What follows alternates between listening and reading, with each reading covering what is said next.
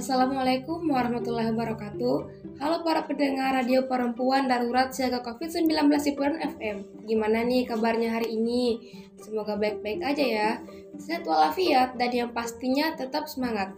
Senang sekali rasanya Nina bisa hadir menemani kembali para pendengar setia di program A Guru SD. Kali ini bekerja sama dengan salah satu guru di Pulau Sabutung yaitu Pak Adil. Halo Pak, gimana nih kabarnya hari ini? Alhamdulillah sehat-sehat walafiat. Ya, materi apa yang ingin Bapak bawakan dan untuk kelas berapa?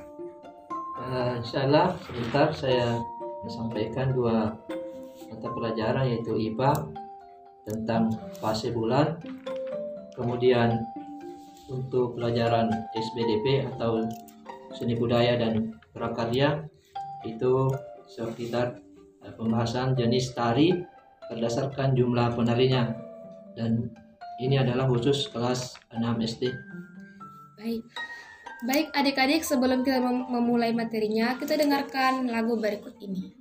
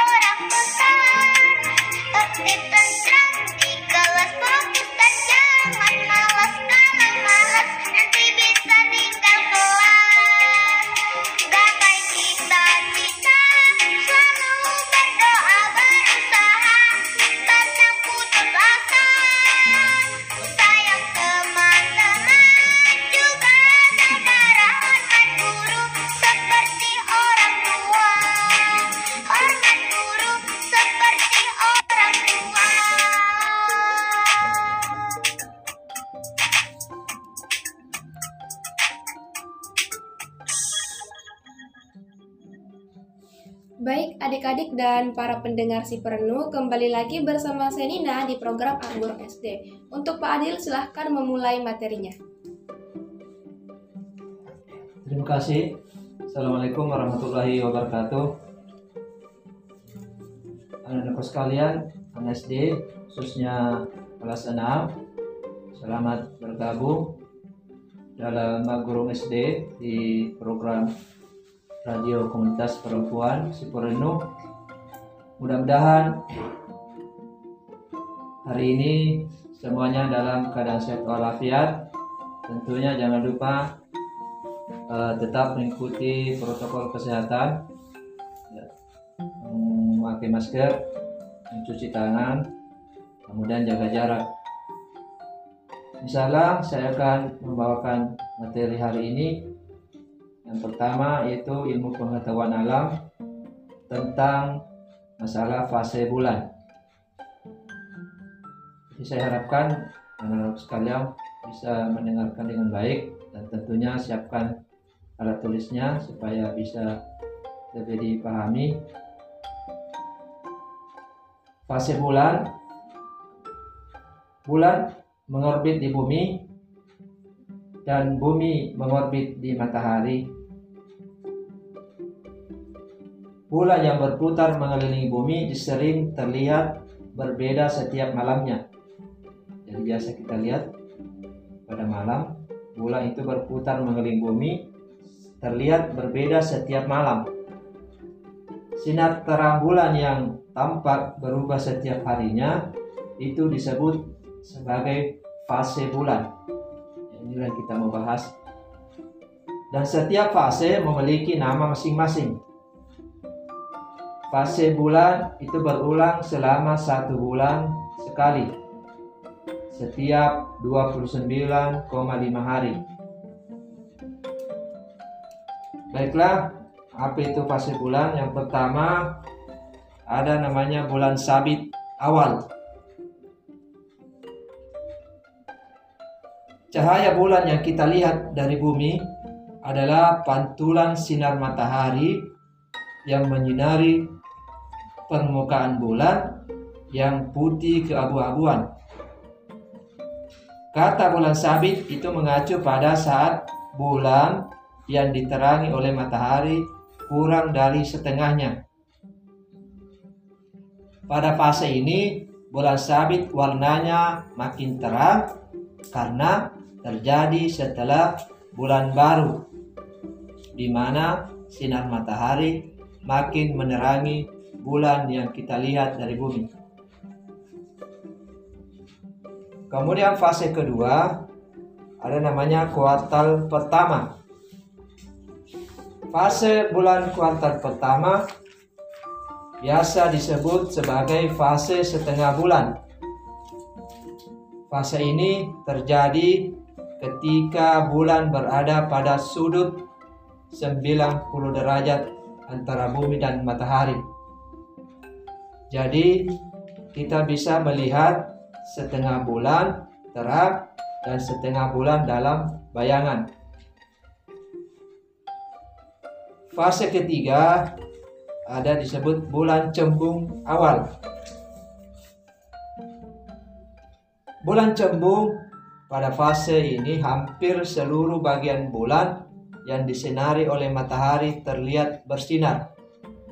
Namun, sebagian kecil pada sisi kiri bulan terlihat gelap karena tidak tersinari matahari pada bagian tersebut. Fase keempat, eh, bulan purnama. Pada bulan purnama, bulan bumi dan matahari juga berada pada posisi yang sejajar seperti bulan baru. Tetapi posisi bulan berada pada sisi yang berlawanan dari bumi sehingga seluruh bagian bulan yang diterangi matahari menghadap ke bumi. Bagian yang tidak diterangi tersembunyi sepenuhnya. Fase kelima disebut bulan cembung akhir.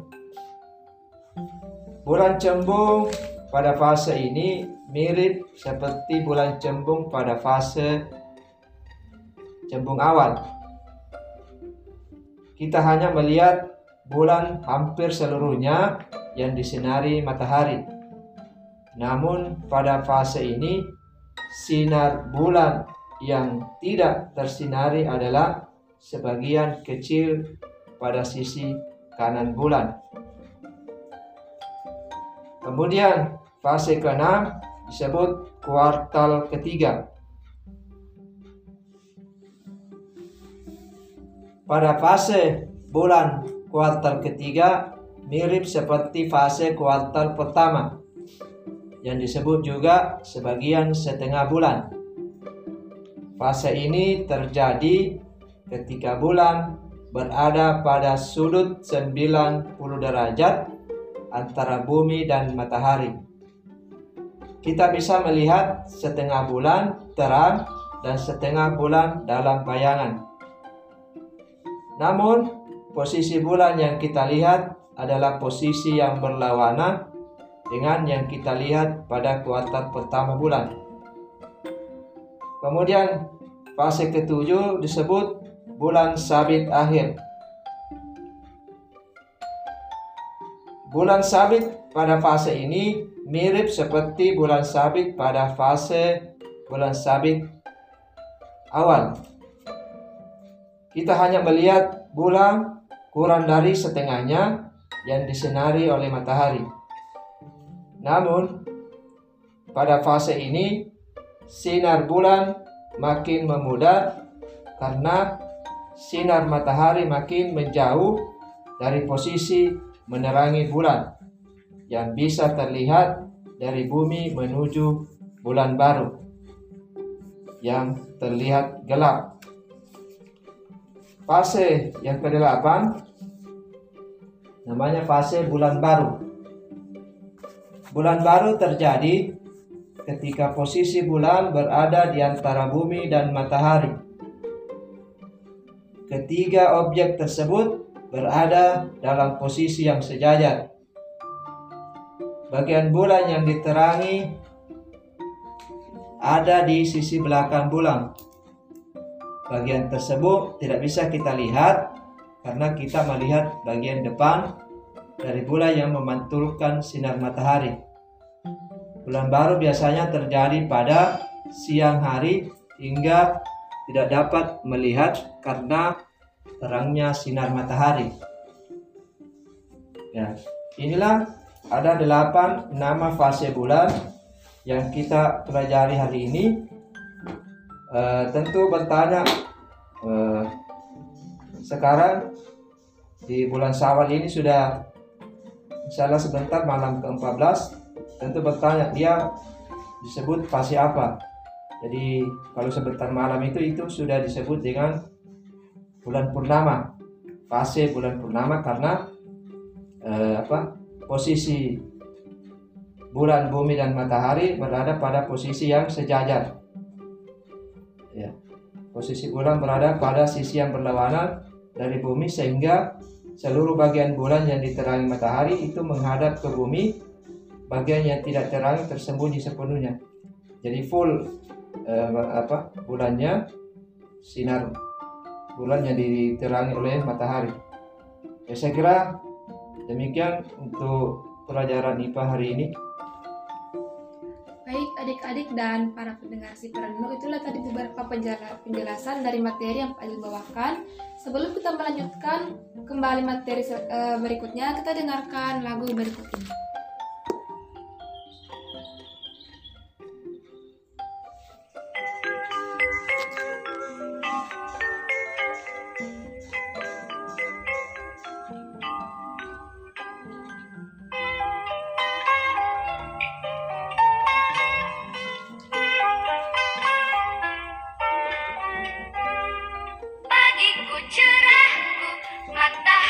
bersinar Ku gendong tas merahku di pundak.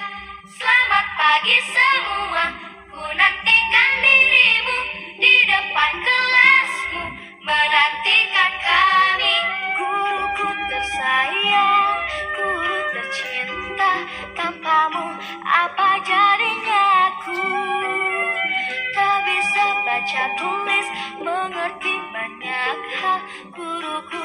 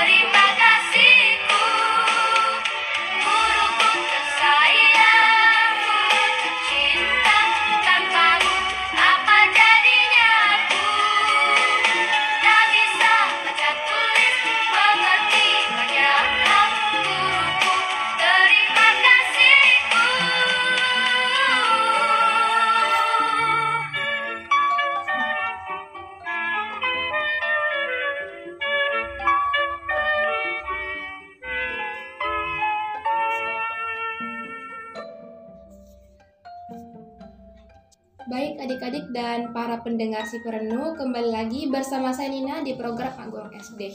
Untuk Pak Adil silahkan melanjutkan materinya. Ya, anak-anakku sekalian, para pendengar radio Sipurenu, kita kembali dalam acara Guru SD, eh, terkhusus anak-anakku sekalian kelas 6. Kita lanjutkan pembelajaran pembahasan kita hari ini, yaitu di mata pelajaran SBDP atau Seni Budaya dan Prakarya. Jadi Bapak di sini akan e, menjelaskan tentang jenis tari berdasarkan jumlah penarinya.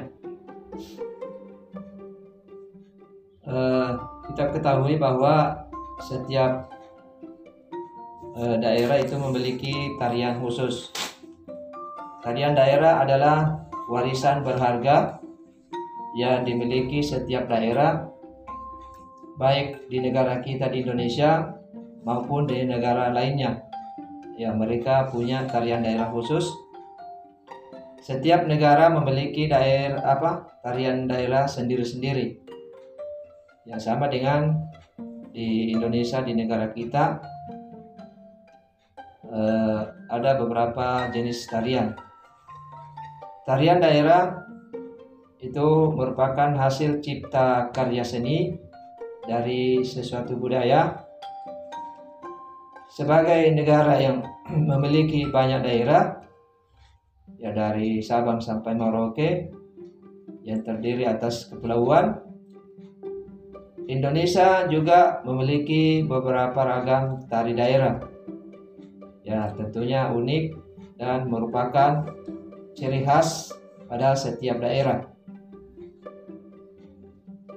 Tari daerah juga merupakan identitas satu bangsa.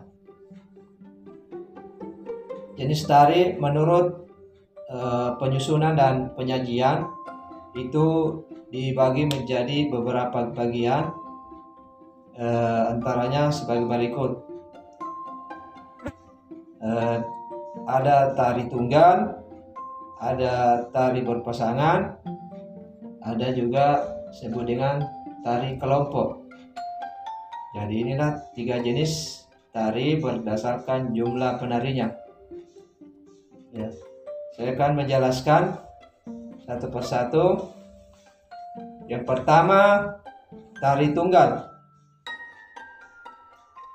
Tari tunggal adalah jenis tari yang dimainkan mutlak oleh seorang penari.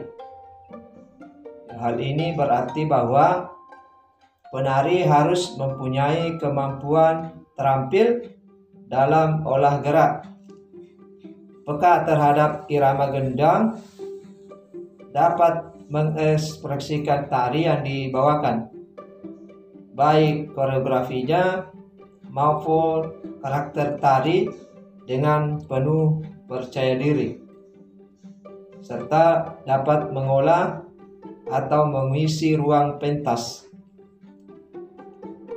Sebagai persiapan di dalam belajar tari tunggal, perlu diperhatikan beberapa hal untuk sebagai bekal, yaitu sebagai berikut.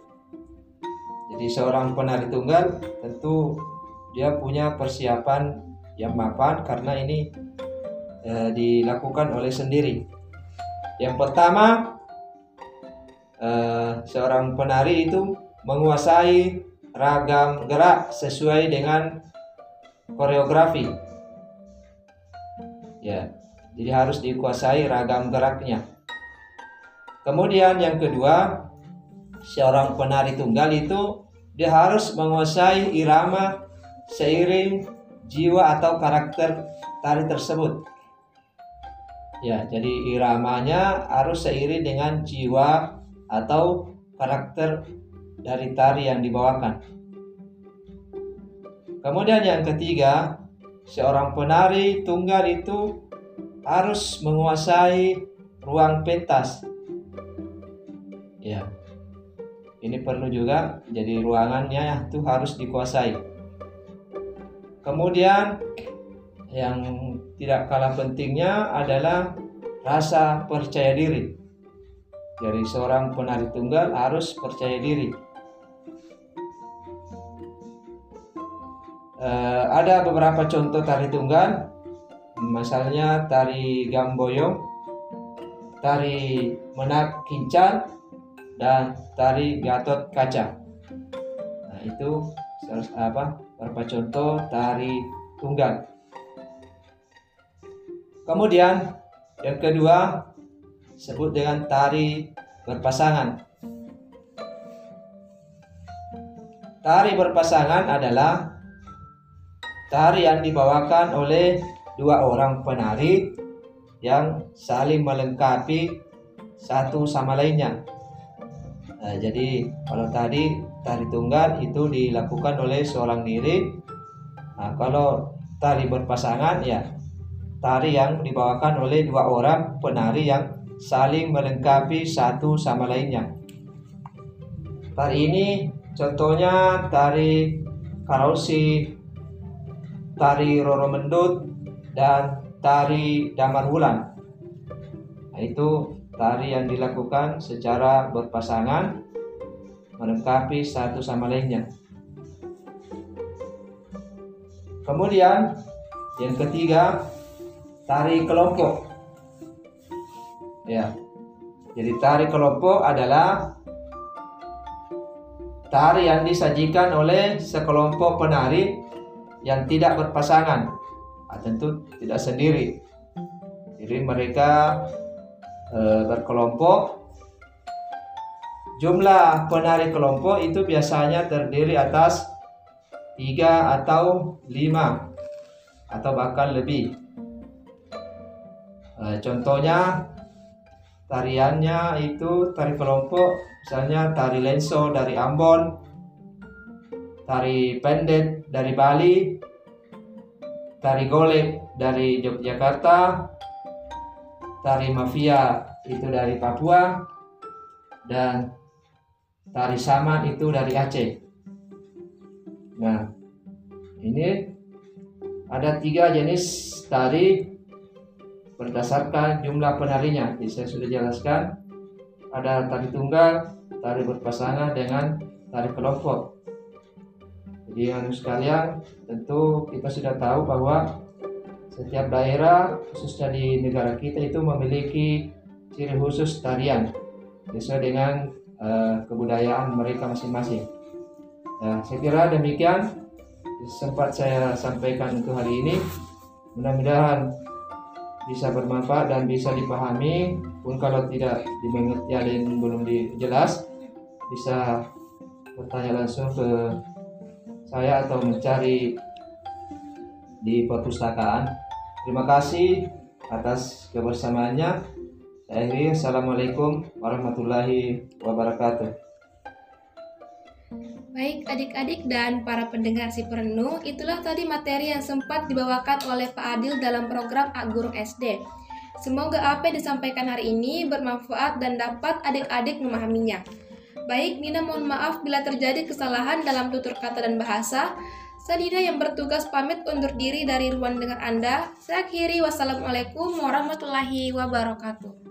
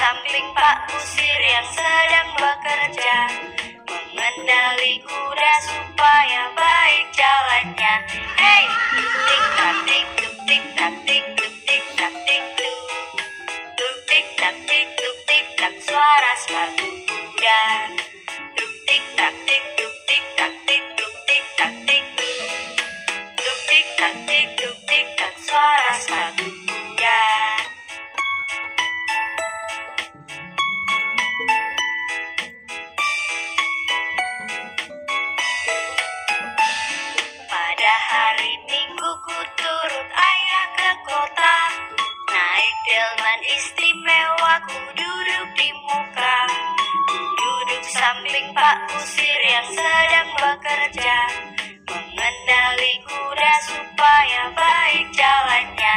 Hey, tuk tik tak tik tuk tik tak tik tuk tik tak tik tuk Tuk tik tak tik tuk tik tak suara sepatu kuda